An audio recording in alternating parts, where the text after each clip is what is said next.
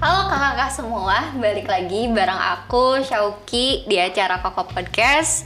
Uh, kali ini aku juga nggak sendirian tentunya, ada Kak Eri. Oke. Di sini sel beliau selaku Wakabinawa Sakwarca Biaka ya. Kota Tasikmalaya. Nah kalau gitu kita kenalan dulu kali ya sama Kak Eri. Barangkali teman-teman semua yang di rumah masih belum kenal sama Kak Eri. Dan kebetulan juga saya baru ketemu nih sama Kak Eri gitu. Ternyata dulur ya. Iya. Boleh Kak barangkali Siap, siap, kenalan siap. dulu. Oke. Iya, langsung.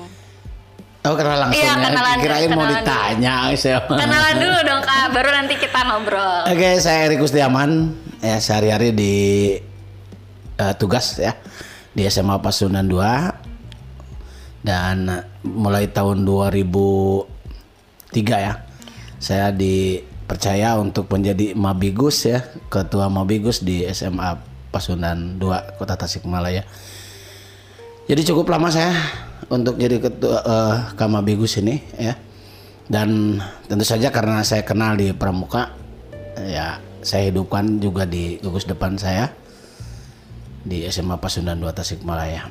Sehari-hari itu ya. Kemudian eh, latar belakang saya untuk hmm, ilmu ya. Dis- disiplin ilmu saya saya guru matematika lulus di dari Unsil tahun 88 Ya masuk itu tahun 83 ya. Agak-agak lama ya. 88 saya lulus dari Unsil untuk matematika dan saya melanjutkan di S2 matematika juga. Iya. di Unpas tahun 2014 agak agak lama sih ya. Nah, tapi kecintaan saya ke pramuka tetap Nah, maka ketika saya mulai dari Mabigus kemudian ya eh, eh, eh, pengurus dari Kuaran dan tahun 2008 2007 kembali saya dipercaya untuk menjadi salah seorang pengurus di Warcab Kota Tasikmalaya ya. Angkatannya Pak eh, Kak Kak Endang almarhum. Dan sampai saat ini saya masih be- berkecimpung di Pramuka dan mungkin saya tidak akan bisa meninggalkan Pramuka nih. di Pram- eh, mulai tahu eh, periode berikutnya saya menjadi wakab Huminpo pernah ya.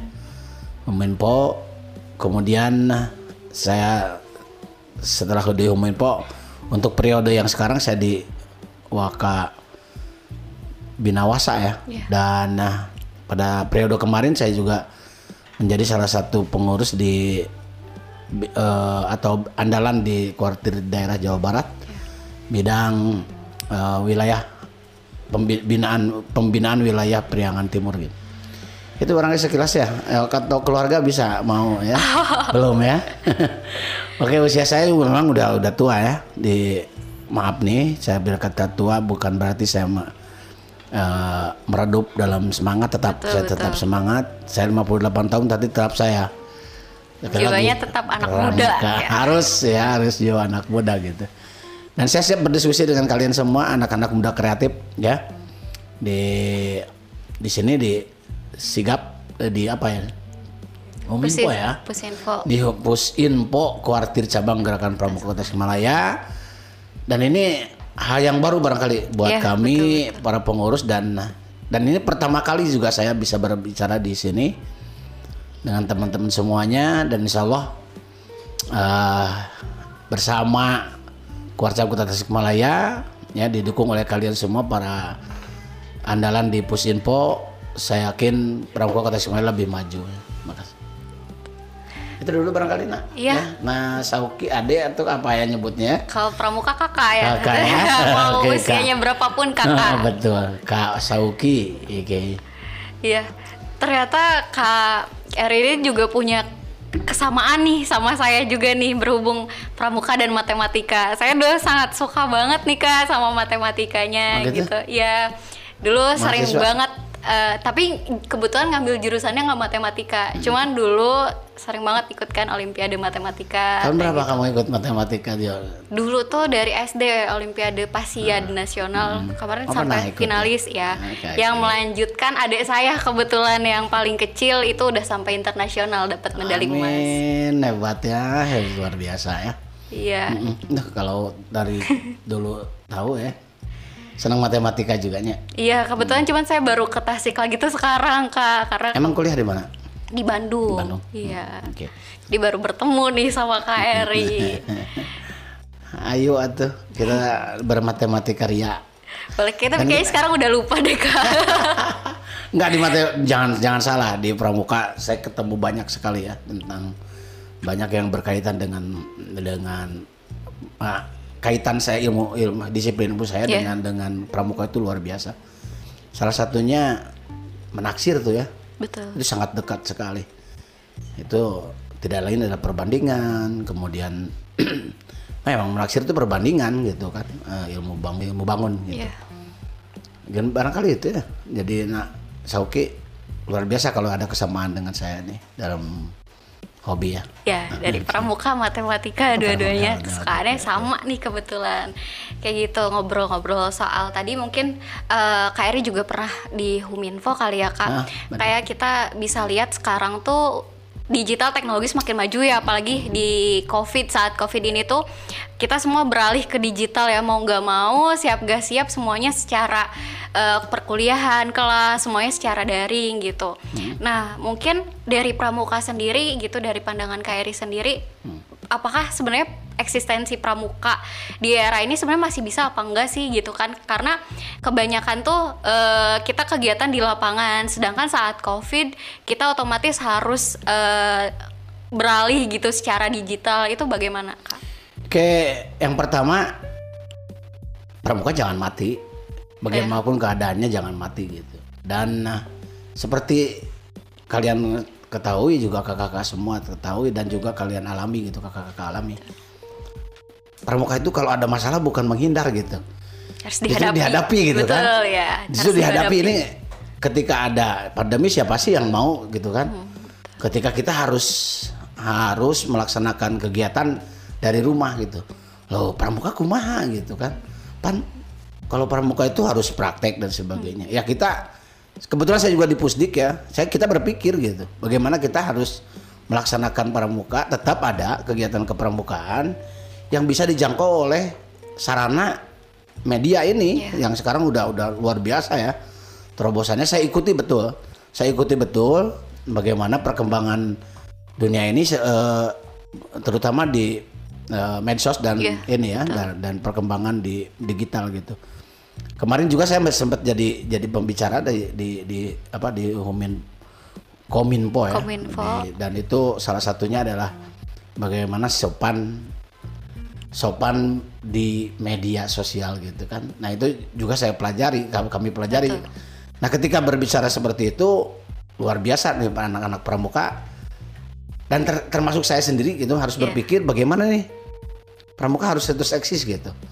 Salah satunya kami mengadakan KMD, KML juga melalui melalui eh, media ini virtual ini. Salah satu produknya itu kak. Kita ada ke eh, andalan kita nih kak Kak itu tuh Kak Raka Kak gitu ya. Raka, Kak Raka ini produk kemarin produk dari virtual kemarin dari KML virtual. virtual. Sekali lagi jangan nggak ada nggak ada nggak ada apa nggak ada nggak boleh kita berbicara berkaitan dengan itu ada masalah sekali lagi ya, ya pramuka harus menghadapinya dan terbukti kita bisa kok. Nanti kita bisa berbicara lebih jauh bagaimana sih kalau kalau gitu ya. Ada yang bertanya juga, "Kak, kalau latihan di pramuka dengan dengan virtual bisa nggak? Eh, kalau melantik dengan di eh, bisa kok gitu. Kemah juga bisa di di, di, di sini. Di- Iya. Nanti kita bicara ya. Bisa nggak ke kemah virtual? Bisa ya. Virtual camp gitu kan. Iya, iya, bisa, betul. bisa bener. Eh, Kita bicara nanti ya lebih jauh lagi. Nah, kalau ka- eh, eh, mungkin ada yang mengatakan pramuka asik. Asik untuk beberapa orang sih. Ya asik untuk kalian mungkin gitu ya, untuk kakak-kakak yang di sini asik gitu pramuka. Di, di, di- sementara di yang lain kenyataannya nggak gitu deh ya, nggak kakak sekalian nggak gitu. Kita nanti kita bahas juga itu ya. Ada catatan nih dua ya. Catatan. Pertama bagaimana kita virtual dan yang kedua asik nggak pramuka itu. Cuma itu ya kita bicara itu. Nanti kita lebih jauh lagi. Kita Sementara gitu. Oke. ngobrol-ngobrol soal virtual camp sebenarnya pramuka sendiri itu udah memprediksi mungkin kali ya bakal kerana digital dengan adanya Jota Joti betul nggak sih kak? Nah, seperti tidak terasa ya. Iya, betul. Sepertinya sepertinya itu eh, naonnya cek Sunda mah irongan. Iya Gitu, betul. irongan. Sudah ada teh. Ah, geus kabaca gitu. Suatu saat Ah. akan seperti itu. Betul, betul, betul. Di Pramuka udah bisa gitu. Bener. Jota, salah satu virtual camp itu ya Jota Joti. Itu mau di mau saya bahas tadi tapi udah dibahas sekarang udah bagus terima kasih. tapi ada satu ya Iya. yang yang menarik nih. Di satu pernah saya baca gitu. Ada kemah di depan rumah. Gimana tuh kemah di depan rumah? Nah itu. Jadi ada satu ada penyelenggara gitu Iya, kan. betul. Ada penyelenggara yang melaksanakan kemah virtual gitu Iya. di depan rumah masing-masing. Jadi orang tua, orang tua di rumah memasang tenda di depan rumahnya gitu, anak-anak dan Oh. sebagainya. Jadi kegiatannya dimonitor juga oleh kita di, di sini. Jadi mer- mereka juga menggunakan eh, apa? eh, teknologi juga di sini ya. Nah, ada mungkin dengan maaf saya eh, pakai salah satu produk ya, pakai Zoom mungkin ya. Jadi mereka Zoom, Zoom meeting seperti Zoom meeting gitu ya. Kemah di rumah ada seperti apa dan sebagainya. Nah, perintah dari sini. Jadi di, dari dari uh, apa namanya acara dan sebagainya di, di di satu tempat, kemudian di rumah masing-masing peserta itu mengadakan perkemahan. Kemahnya depan rumah bener gitu kan. Satu malam gitu tuh udah mah. Bisa kok, bisa dilaksanakan. Jadi tetap mendirikan tenda Bener, juga. tetap. tapi di rumah. Iya, gitu, cuman kita depan saling rumah. terhubungnya lewat Ah, internet gitu. Itu kan asik Betul, gitu betul. kan bisa diskusi. Itu salah satu salah satu eh, mungkin kejenuhan itu meng- dan juga pandemi ini meng- me- menghasilkan satu kreativitas saya kira gitu. Dan saya yakin metode ini metode yang ke- sudah kita ah, laksana ah, alami di pada saat pada saat pandemi kemarin itu suatu saat akan menjadi suatu satu metode yang bisa digunakan terus menerus gitu. Jadi ketika eh, tatap muka langsung tidak bisa gitu kan kita bisa melalui zoom meeting gitu. Dengan meeting di melalui virtual gitu kan. Nah itu salah satunya. Ke- eh, manfaat mungkin atau umpamanya eh, salah satu dari hikmah eh, pandemi itu suatu akan menghasilkan kreativitas juga gitu. Ngobrolin soal teknologi juga kan sekarang ini kayak eh, udah ada hobar-hobarnya tuh kayak apa sih u- tentang dunia metaverse. Hmm. Nah, jadi dunia metaverse itu kita nggak perlu nyampe orang-orang tuh sekarang lagi berlomba-lomba untuk bikin rumah di sana gitu, Bi- ngebangun suatu bangunan di sana. Apakah mungkin juga pramuka kita bakalan buat dunia metaverse-nya sendiri gitu? kayaknya nyampe ya tapi kita, kita- saya belum belum ini nih eh, apa ke metaverse yang yang di eh, yang di maksud Kak Sauki ini mungkin suatu saat seperti pramuka hidup di alam maya gitu. Iya betul. ini pertanyaan bagus ya sepertinya menghayal gitu kan. Tapi suatu saat ini salah satunya nih ilmu yang kita dapatkan sekarang itu salah satunya disimpan di satu tempat yang mungkin kita ya mau sekarang kita berbicara juga sekarang akan disimpan di satu tempat. Di satu tempat yang namanya saya tidak, tidak tahu namanya apa. Di alam sana di alam maya sana. Tidak terjangkau dengan dengan fisik dengan mata mata ini. Tapi ketika kita memerlukannya dengan alat tersebut kita bisa memanggilnya. Pertanyaan saya nih ya mungkin mungkin ini pertanyaan kakak bisa nggak kakak juga membayangkan? Ketika dunia ini hilang gitu ke- pada saat apa? Eh, kan kiamat itu akan datang gitu Betul. kan. ketika kiamat itu datang mungkin nggak yang tadi kita simpan itu juga akan hilang Oh, hancurnya itu gak bagaimana gitu kan hancur Iya, kan iya, menurut betul. fisik gitu kan betul betul betul. Nah ini akan hilang nggak? Nah suatu saat situs yang kita simpan seperti itu mungkin gitu kan, suatu saat gitu mereka akan menemukan yang yang jadi apa arkeolog itu tidak tidak fisik juga seperti sekarang mungkinnya. Suatu saat mereka akan jadi seorang arkeolog di dunia maya saya kira. Dia menemukan sesuatu situs tertentu gitu Iya, kan. iya. Dia akan menarik gitu. Oh ini tahun sekian gitu dibuatnya. Saya menemukan situs itu di- dibongkar kemudian dijadikan ilmu ilmu lagi. Kan gitu ya. Betul. Jadi arkeolognya juga nanti akan terbagi arkeolognya di dunia nyata seperti yang di- kita lihat-lihat di eh, apa film-film dan sebagainya. Kemudian juga di kenyataannya di di di apa di tempat-tempat bersejarah kan ada arkeolog tertentu. Secara fisiknya itu mayanya suatu saat akan seperti itu. Bener nggak? suatu saat ada arkeolog maya gitu Ya, khusus arkeologi dalam jadi dunia maya. nah, jadi kita kita jangan jangan khawatir pengetahuan kita tentang kepermukaan mungkin saya berbicara seperti ini hari ini akan tercatat ya suatu saat Iya. di- di- dan disimpan gitu dan suatu saat entah berapa berapa ribu tahun yang akan datang itu akan akan menemukan ini Erik Kustiaman dengan Sauki. Ya. itu berbicara tentang pramuka yang akan mengatakan bahwa ini suatu saat akan diketemukan oleh orang lain dan dia akan akan berasa bergembira gitu. Ketemu dengan saya yang sudah mungkin udah di ribuan tahun karena kita tidak tidak bis tidak abadi kan. Suatu Betul. saat akan meninggalkan dunia ini. Tapi ilmunya tapi gambarnya tapi situsnya itu Masih suatu ada. saat dia akan simpan di sini jadi jangan khawatir kakak sekalian kreativitas kakak sekalian yang di rumah dan mungkin kreativitas kita akan dicatat ya di dunia sana ternyata ter- termasuk dunia maaf ya di sini di, di di dunia yang kita percayai Tuhan itu menyuruh malaikat kita me- menuliskan apa yang telah kita laksa- lakukan itu dituliskan oleh mereka dan suatu saat akan di- ditagih gitu kan. Iya, iya. nah ini juga kita akan dicatat gitu ya secara betul. secara akan, akan tercatat dan tersimpan gitu kan di satu situs. Yang suatu saat situs itu akan diketemukan orang lain gitu. Ya sementara itu dulu. Lu kita udah jauh kita mengayang. Teknologi emang tak terbatas Nah, ya. tapi ada- sebenarnya eh, secanggih apa pun teknologi itu tetap harus ada sisi humanitasnya betul iya nggak sih benar benar sih tadi udah ngobrolin soal teknologi dan pramukanya oke, bener ki. Ya, kita sekarang masuk lagi nih kebetulan KRI ini juga eh, ini ya Kak wakil ketua dari kesenian Dewan, Kesenian, Kota, Tasikmalaya dan juga udah eh, menerbitkan buku juga ya kayak tentang integritas nilai-nilai budaya dan karakter bangsa melalui kegiatan ekstrakurikuler pramukanya. Jadi saya mau mengulik lagi nih tentang kebudayaan dan pramuka. Yang mana kita tahu juga karena tadi kecanggihan teknologi itu semua informasi dan budaya-budaya masuk tuh lebih mudah kita dapatkan Iya.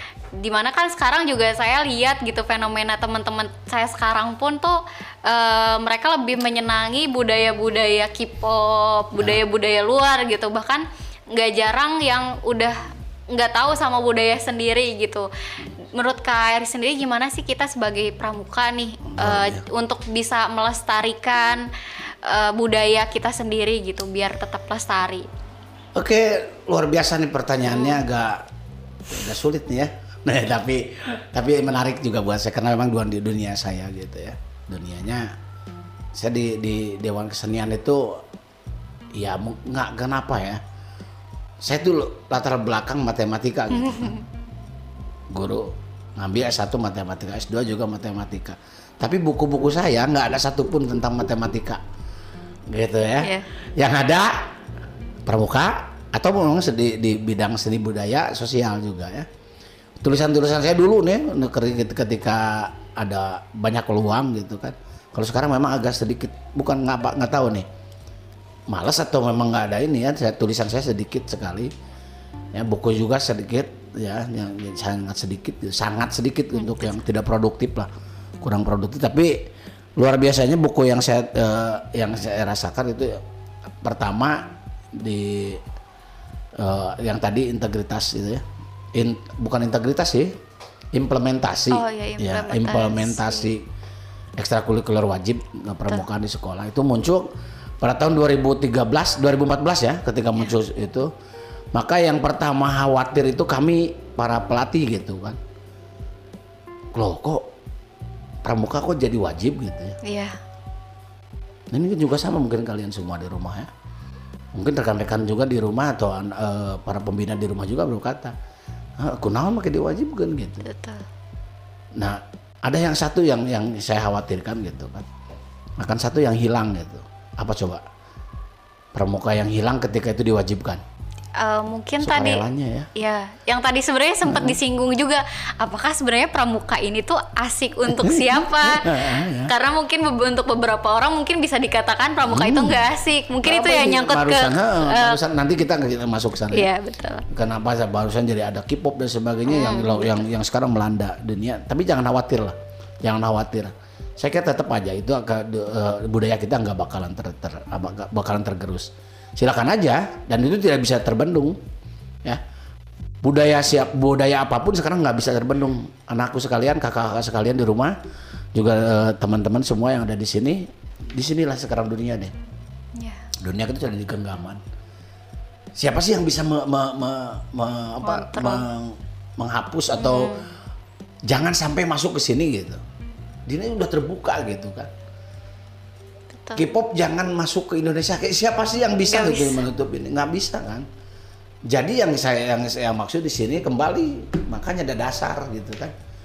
Nah ini yang perlunya kenapa di di di, di tingkat eh, di pramuka siaga penggalang penegak pandega itu di ada di pramuka itu berjenjang malah sekarang ada di ada prasiaga katanya yang mungkin kemarin agak sedikit di apa di ditunda dulu lah tentang keprasiagaan menunggu jukran yang baru gitu kan.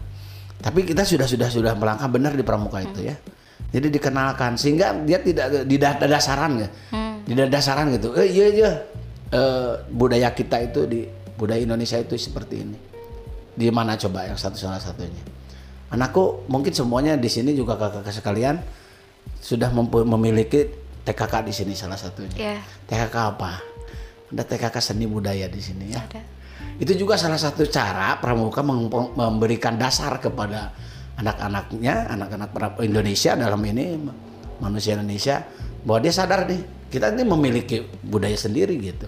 Saya sekali lagi saya tidak akan tidak akan khawatir nih kepada mereka yang sudah masuk Pramuka, kemudian dia mendapatkan TKK itu, dia akan sadar suatu saat oh ini bukan budaya aku. Nah gitu kan. Nah itu tetap tapi apakah kita mau menolak? Enggak. Saya juga tidak tidak tidak tidak tidak alergi gitu. gitu. Secara pribadi saya tidak alergi dengan munculnya budaya-budaya asing masuk ke, kita nih. Sekali lagi nggak ada yang bisa ada yang bisa nggak ada yang bisa me- me- me- apa namanya menghalangi untuk ini. Udah sampai ke tangan, bukan lagi kamar. Udah di tangan gitu kan. Eh kumaha coba kayak nanya. Kembali kalau udah dasarnya eueuhan ya apa apa pun juga imannya, ketakwaannya, termasuk betul. jati dirinya, termasuk kepribadiannya. Nah, kalau sudah ada dasarnya, ada dasar pondasi, Ya, ya. kalau udah udah pondasi, saya yakin dia mun melenceng dia tidak akan jauh lah. Dia akan kembali. Ya. Anak-anak kita udah bener nih ya. Betul. Pramuka itu udah bener gitu. Dari mulai malah di Prasiaga udah dikenalkan bernyanyi, menari. Saya yakin ketika dikenalkan di Pramuka itu tidak akan ada K-pop dulu. ya. Benar nggak? Iya, iya, iya. Budaya kita dulu gitu Benar, kan. benar. Kemudian ke sini terus naik. Nah, ketika kita di, di- masuk ke dunia ini, saya juga tidak menolak. Suatu saat saya di ini ya ke teman-teman teman-teman pramuka di Kota Tasikmalaya, jangan sekali-kali kita menolak untuk ini. Maka salah satunya ini, ini podcast ini produk produk sekarang gitu Iya, kan. iya. Dan ini bermanfaat gitu. Betul. E-sport sekarang udah di mana-mana. Apa kita harus menghindar? Justru Enggak. pramuka harus masuk ke dalamnya. Oke, karena itu saya setuju. Pramuka Kota Tasikmalaya kemarin saya sudah lihat di dalam programnya salah satunya ini eh, kabar gembira untuk anak kakak sekalian, para anak muda. Salah satunya kot, kap- ko- apa? Kota Tasikmalaya di tahun depan ada yang disebut dengan Urban Scout. Heh, luar biasa nih ya. Keren ya. Urban Scout apa isinya? Nanti kita bahas ya. Betul. Urban Scout itu apa isinya? Jadi bener nih. Kalau berbicara pramuka, yang pertama apa? Saya tulisan pertama, saya tulisan dulu yang pertama, tulisan saya di di di, di salah satu media lokal. Yang pertama itu ketika saya ber, ber- bebersih di, di apa? Ketika teman-teman pramuka bebersih gitu di masjid ya, di Masjid Agung itu berpakaian pramuka dan sebagainya gitu, di bebersih di depan pan yang bertanya di depan di depan pintu masuk pak badai karemahnya Cen." orang udah kelihatan depan masjid bawa sapu bebersih nyari kemah tapi pertanyaan pertanyaan itu muncul selalu muncul mungkin juga teman-teman sekalian semua ketika kita berbicara pramuka apa yang ada di otak kita nih apa Kayak coba Ngobrol KBB Semapur kayak gitu kali ya. Satu itu baris berbaris Baris. semapur. Satu lagi apa? Berkemah. Kemah Berkemah kan? Betul. Yang itu apa? Yang ketika berkemah di mana itu adanya? di lapangan. Di hutan. Iya, di hutan. Pasti hutan kan? Iya. Nanti kita bicara. Apa sih sebenarnya yang yang yang tadi saya katakan berkaitannya dengan urban scout itu ya? Oke, sementara gitu dulu. Eh, tadi ngobrolin soal urban scout ini Menarik ya. Ya, saya saya kemarin waktu mau ini Pandega kan sempat dibilang sama pembinanya nanti kita bakalan ada pengembaraan, tapi pengembaraan kali ini di kota katanya kayak Itu gitu. saya maksud. Soalnya hidup di kota lebih susah daripada hidup di hutan katanya gitu. Kayaknya nyambung ya berarti. itu baru saja Mungkin- Pak, yang ingin Hmm, saya betul. buka itu. Makasih itu udah udah agak kejawab sih ya. Jadi boleh saya ini? Boleh, boleh, boleh, langsung aja. Begini nih. Ketika kita berbicara pramuka, orang langsung kan tadi image Hutan. kita hutan. Tali temali Betul. ya, pengembaraan di hutan dan sebagainya. Terus capek-capean hujan-hujanan dan sebagainya gitu kan. Itu gampang ya di pramuka itu udah udah di ini gitu. Yang sulit itu memang sekarang lagi ya, di, mereka mereka hidup di kota. Betul. Itu kenyataan anak-anak kita sekarang itu ada di kota mau mau bagaimanapun juga anak-anak desa juga dia akan ke kota gitu kan. Nah di sini maka ada istilah urban scout itu ini jangan salah. Badan Powell pertama kali me- membuat pramuka itu memang untuk orang untuk untuk orang kota Iya. gitu kan yang ini yang yang dia harus bisa survive gitu ya. Ya. Dia, dia harus survive di di, di di tengah di tengah kehidupan kota gitu. Jadi sekarang tugas para pembina itu memang agak eh, jangan jangan fokus aja ke pramuka hutan kemah dan itu mah sudah jadi tren ya Iya. sudah jadi sudah jadi apa Biasa. namanya trademark ya Iya. Ya, trademark pramuka tapi salah satu yang harus di- diingat bahwa anak-anak kita sekarang itu kenyataannya alam bebasnya itu kota gitu Betul. alam bebasnya kota. Kalau kita kalau anak-anak kita tidak bisa men- menundukkan dalam tanda kutip ya, menundukkan kehidupan di kotanya, saya saya yakin dia akan tertinggal. Maka salah satu yang kemarin itu bersaing atau tenggelam itu benar di pramuka itu ya. Kalau tidak bisa bersaing, dia akan tenggelam. Nah, salah satunya pramuka mengajarkan itu.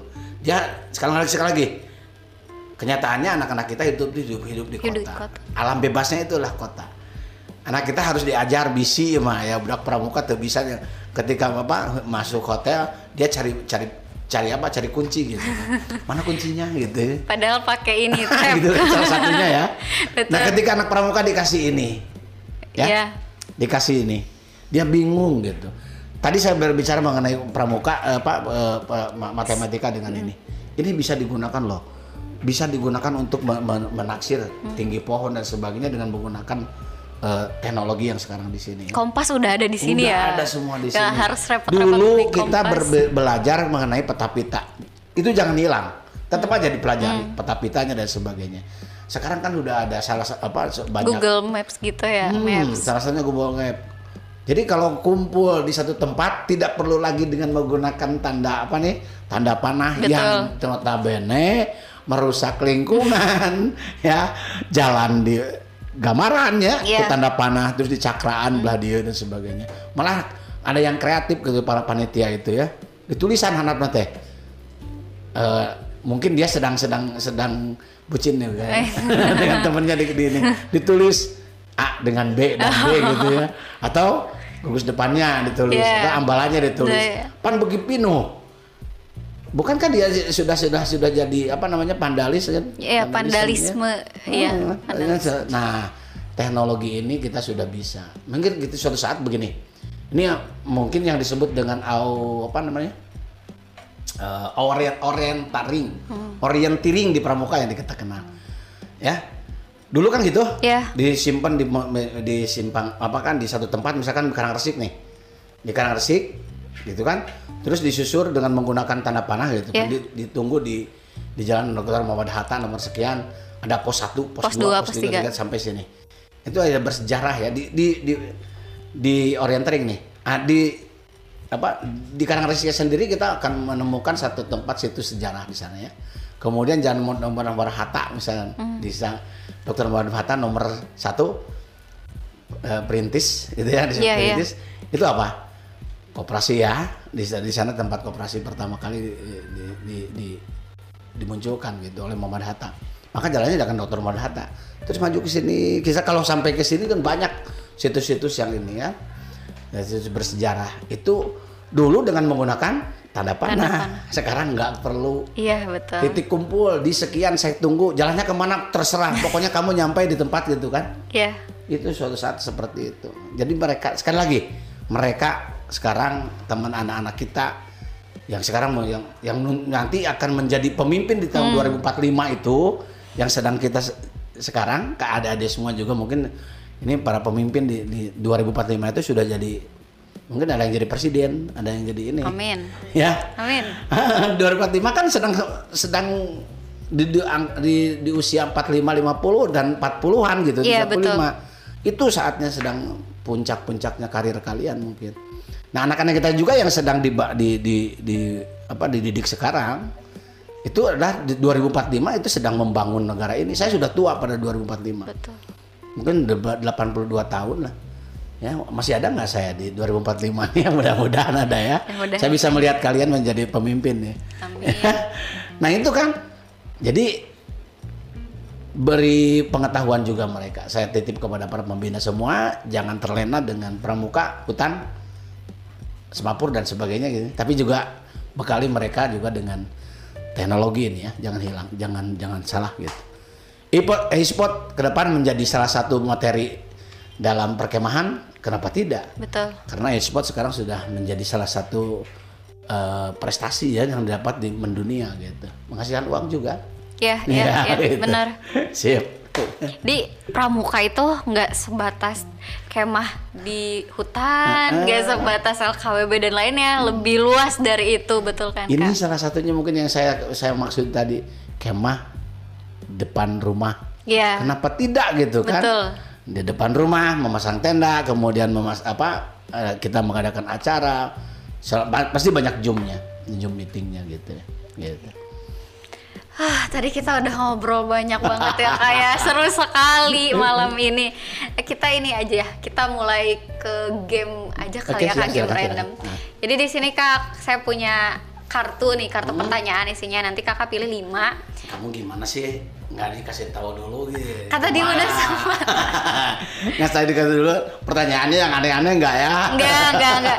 Jadi ini melengkapi jawaban titik-titik Oke. gitu. Nah, Coba kak. Lima ya? Ya lima. satu Bisa ya. pasti kamu menyimpannya di bawah sih Enggak. Ini udah empat lima ya Udah, sudah lima. mudah-mudahan semuanya mudah kalau nggak kalau sulit kamu yang jawab ya Saya juga nggak tahu sih Pak ini. Pak. Nah, Monas didirikan untuk mengenang titik-titik. Monas didirikan untuk me- aduh Duh, kan sulit pertanyaannya ya Monas didirikan untuk mengenang Mengenang apa siapa? nih Mengenang siapa Pak? Pahlawan? Ya pokoknya itu ada eh, salah satunya kan di atasnya ada apa ada bentuk api kan itu gelora artinya untuk semangat kemerdekaan Indonesia Oke. Pertanyaan selanjutnya. Riset membuktikan 9 per 10 orang Indonesia titik-titik. 9 per 10 orang Indonesia ini apa eh, gagap teknologi Oke, terus selanjutnya. Parah banget sekarang perampok suka bawa senjata titik-titik. tajam Senjata tajam iya. tak ada titik-titik pun jadi. tak ada rotan akar pun jadi Oke. Rajin pangkal pandai titik-titik pangkal titik-titik. Aduh, rajin pangkal pandai hemat pangkal kaya Oke, mantep. Udah lima pertanyaan. Berhasil dijawab oleh Kak Eri. kamu ngejebak ya terus harusnya apa coba ada yang aneh nih Nggak ada, anak- nggak ada. biasanya anak-anak muda Monas didirikan bener nggak Saya sebenarnya kurang tahu juga nih Kak. ya ada Di geloranya aja ya random. Nah, Mungkin nanti teman-teman bisa bantu cari ya. Hmm. Di browsing lagi Monas didirikan untuk mengenang siapa gitu. Saya kira bukan untuk mengenal seseorang, yang jelas bukan mengenal seseorang, tapi dia, dia Pak Soekarno membuat itu salah satu dari bentuk apinya aja nih kan, dan udah memperlihatkan ke, ke semangat Indonesia atau gitu ya, dan juga semangat untuk timnas Indonesia sekarang luar biasa.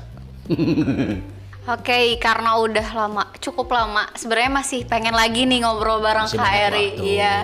Mungkin di lain waktu ya Kak ya kita Siap. ngobrol lagi. Dan saya senang Ya betul.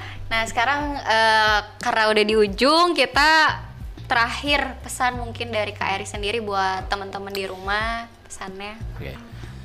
Yang pertama teman-teman kita di rumah, kakak-kakak di rumah. Pertama untuk anak muda semua ya. Para pramuka di rumah semuanya ya. Tetap kalian semangat ya. Apalagi sekarang saatnya PTM sudah ini kembali ya.